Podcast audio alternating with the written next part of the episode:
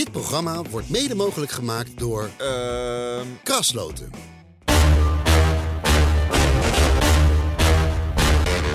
Dit is Strikt Privé, de dagelijkse showbiz-update met Evert Zantegoed en Jordi Versteegden. Zo, handschoenen uit, dikke sjaal af. We zijn weer eh, terechtgekomen in de warme Ook studio. dacht dat je geen knokken. knokken. Nee hoor, zo zit ik toch niet Handschoenen uit. Hoe hoopvol ben je eigenlijk eh, nog, eh Evert? Hoe hoopvol? Nou, niet heel erg. Nee. We slaan ons de manmoedig doorheen. Maar het gaat niet echt lekker in de wereld natuurlijk. En, dat, dat merk je elke dag. En dat merk je vooral in het verkeer in Amsterdam. Moest erg lachen om André van Duin. Die sprak ik in een interview voor de Kerstkrant. Ja. En die zei van ja, als je in Amsterdam de straat oversteekt voor fietsers, ben je gewoon de vijand. nou ja, dat is het. Die korte lontjes is erg. En eh, ja, het is wel heel vervelend. Nou ja, nu je maar 30 km per uur eh, mag rijden in Amsterdam. Ja, dan word je ingehaald door Ja, diezelfde fietsers. word Dus, ik er ook eh, niet heel enthousiast van. Nou ja, goed. maar als we het dan zi- zien in het licht van de wereld Ja. en wat de problemen daar zijn, dan valt het wel weer mee. Dat, dat je ergernissen zijn. Maar het Ja. is wel, eh, ja, het is geen leuke tijd, vind ik. Als ik het afzet tegen pakweg 1999, 2000. Mhm. Toen zag het er toch een stuk rooskleuriger uit allemaal. Ja, 62% is het met jou eens. Oh, kijk eens Eh, aan. Inderdaad. Er wordt vandaag bekend in de persbericht van Sieren. Daar gaan weer BN'ers aan meewerken om dan de positieve boodschap uit te Ja, wie hebben ze daarvoor? eh? Roxanne Hazes. Die eh, is ontzettend hoopvol blijkbaar. Nou, dat Nou ja, als je jaar. zingt de tijd gaat mooie dingen doen, dan Oh ja. ben je misschien wel de aangewezen persoon om, eh, Ja. om, om zo'n campagne te dragen. Louis En ja, als je ook zo gekke uit zo'n gekkenhuis komt als, als, als zij uitkomt, Ja. die hele familie, en je hebt die zaakjes zo voor elkaar, dan ben je wel een lichtend voorbeeld voor eh, optimisme, vind ik. Ja, Ja, nou hartstikke mooi. Hoe, hoe hoopvol is Gordon, denk je nog, na afgelopen weekend en alle ja reacties? niet heel erg. Die zal weer aan de pillen zitten inmiddels. Want ja, de reacties op dat interview met Bo, die zijn natuurlijk niet enthousiaster dan dat ik erover was. en eh, als dit dan je comeback moet zijn, dat is niet helemaal gelukt. En voor Bo is het wat mij betreft, maar dat heb ik gisteren al gezegd, ook een dieptepunt in zijn carrière. Want ja, nou goed. Ja, ja, jij gaat er geen woord meer over vuil maken. Nee, ik vond het zo'n wanvertoning. Zo slecht. En, eh, en al die programma's die, die zijn naam dragen, dan heb je ook een naam hoog te houden. En Mhm. dat heeft hij echt helemaal versloft. Nou ja, ik dacht bijna van, joh, we zijn toch eigenlijk dat hele Gavin-verhaal wel weer vergeten. Hij had met een schone lei kunnen beginnen. Het had een sollicitatie kunnen zijn, dat interview met Bo. Maar dat Nou, was het ook om met de regeren verder te gaan. Maar dan Ja. kreeg je ook de kous op de kop. Ja. Dus eh, nee, Gordon is eventjes klaar. En als hij niet met iets heel leuks komt. En eh, een, een hele goede plaat zou, zou hem helpen, bijvoorbeeld. Weer gaan zingen, ja. Ja, maar eh, ja, ik zie het. En Gerard is er ook klaar mee, hè? Die Ja, die liet vanuit Curaçao nog even weten dat hij er absoluut niet op zit te wachten. En ook Hmm. geen tijd voor had. Ja. Nou ja, dat je uit een donkere put kan komen met eh, enige zelfreflectie... heeft Matthijs van Nieuwkerk natuurlijk wel bewezen.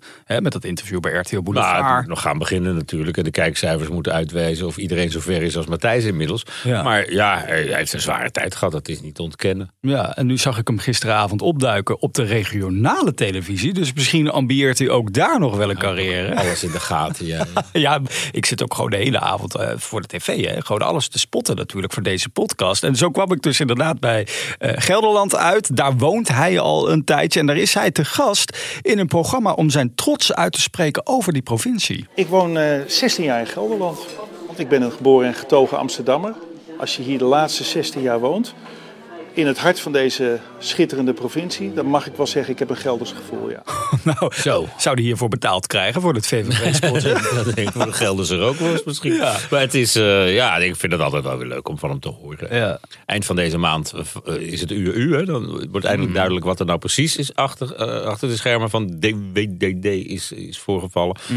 En dan eh, moet hij langzamerhand maar aan de slag, lijkt me. Nou ja, 1 januari is zijn contract ingegaan bij RTL. Dus hij is nu officieel een, een RTL'er, kun je, dan, kun je dan zeggen. We gaan dat blijven volgen. Even een leuk nieuwtje tussendoor voor jou. Son Milieu, vandaag bekend geworden. Ik pak het er even bij, een poster. Zij gaan op 1 februari volgend jaar naar de Ziggo Dome. Te leuk. Ja, die, die spelen ze plat. Let maar op. Ja, hebt, ik eh, ben een grote fan, zoals je weet. Ja. Ik heb me heel erg hard gemaakt om ze naar het Songfestival te sturen. Maar eh, Eh, Nou, 1 februari volgend jaar Ziggo Dome. Dan zou daarna in mei zouden ze prima naar, naar het Songfestival kunnen. zeker, want rond die periode in februari wordt meestal bekendgemaakt wie er gaat. Ja, En dat zou mooi samen kunnen vallen natuurlijk. Misschien hebben ze allemaal wel een, een lange termijn planning. Zouden zij in eh, 60 seconden dat concert kunnen uitverkopen, denk jij? Nou ja, Jaap van Oh ja, Zweden. Jaap van Zweden. Ja, we hebben het altijd over André Rieu. En terecht dat die man zo succesvol is. Maar eh, we zijn met de viool wel lekker bezig als eh, Nederlandse sterren. Want ja, we hebben natuurlijk ook Jaap van Zweden nog inderdaad. Die Ja. is eh, de chef-dirigent geworden van het Philharmonic in eh, Seoul in eh, Zuid-Korea. En daar ging de, eh, de verkoop voor het komende seizoen in, in eh, verkoop. Ja. Die begon. En in 60 seconden zijn alle kaarten voor het hele jaar verkocht. Bizar. En eh, Jaap appt me wel eens eh, vanuit San Francisco, vanuit New York, vanuit Korea dan. Nou, Ja. de- alle uithoeken van de wereld waar hij optredens verzorgt.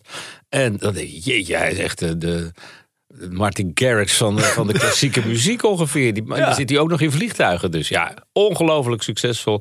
We gaan binnenkort maar eens ergens opzoeken. Goed om eh, daarbij stil te staan. Onze Nederlandse trots, ja, Jaap van Zweden. Harry Slinger dan, voor het betere drukwerk. Nou ja, die, die komt met een biografie. Ja, en Nou. dan denk je, Harry Slinger nu nog met een biografie. Nou, Ja. hij gaat heel verstandig heten Je loog tegen mij. Ja. Rare titel voor een boek, maar ik snap wel dat hij hem zo noemt, want het is een commerciële titel. En Edwin Gitsels, een journalist, die heeft een- ja, eh, eindeloos gesproken met Harry, met zijn vrouw Marijke, de kinderen, de bandleden, met, met alles en iedereen Mhm. die met Harry te maken heeft gehad. En er komt een boek uit en dat is veel spannender dan je zou denken. Je denkt inderdaad, nou, je loog tegen mij. Of zo.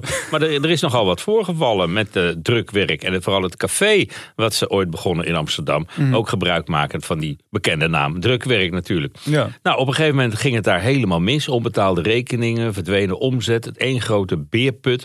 En toen Slinger op onderzoek uitging waar al dat geld was gebleven, werd hij ook nog bedreigd. Moest hij onderduiken.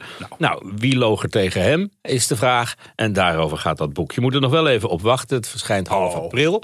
Maar eh, ik denk dat het leuker is dan je in eerste instantie zou denken van een boek van eh, Harry Slinger. Leuker dan het boek van Roy Donders, wat eh, binnenkort uit. Het is ook wat. komt ook Wat bio. hij Nou, in vredesnaam vertellen. Nou, in ieder geval eh, weer hoe die van homo eh, hetero werd. En Ja, hoe doe kreeg. je dat, Evert? Ja, dat weet hij. Dat staat in dat boek. En eh, dat heeft hij eh, allemaal voor zich gehouden tot het eh, eindelijk ging komen. En dan heet het gewoon Royke. Ach. Ja, ik weet niet hoe hij het anders had willen. want Royke lijkt me nogal gewoon. En gewoon is ook Royke. Ja. Maar ja, dat is dan de titel die er na lang denken uitgekomen is. Welk boek is er eerder uitverkocht, denk je? Harry Slinger of Roy Donders?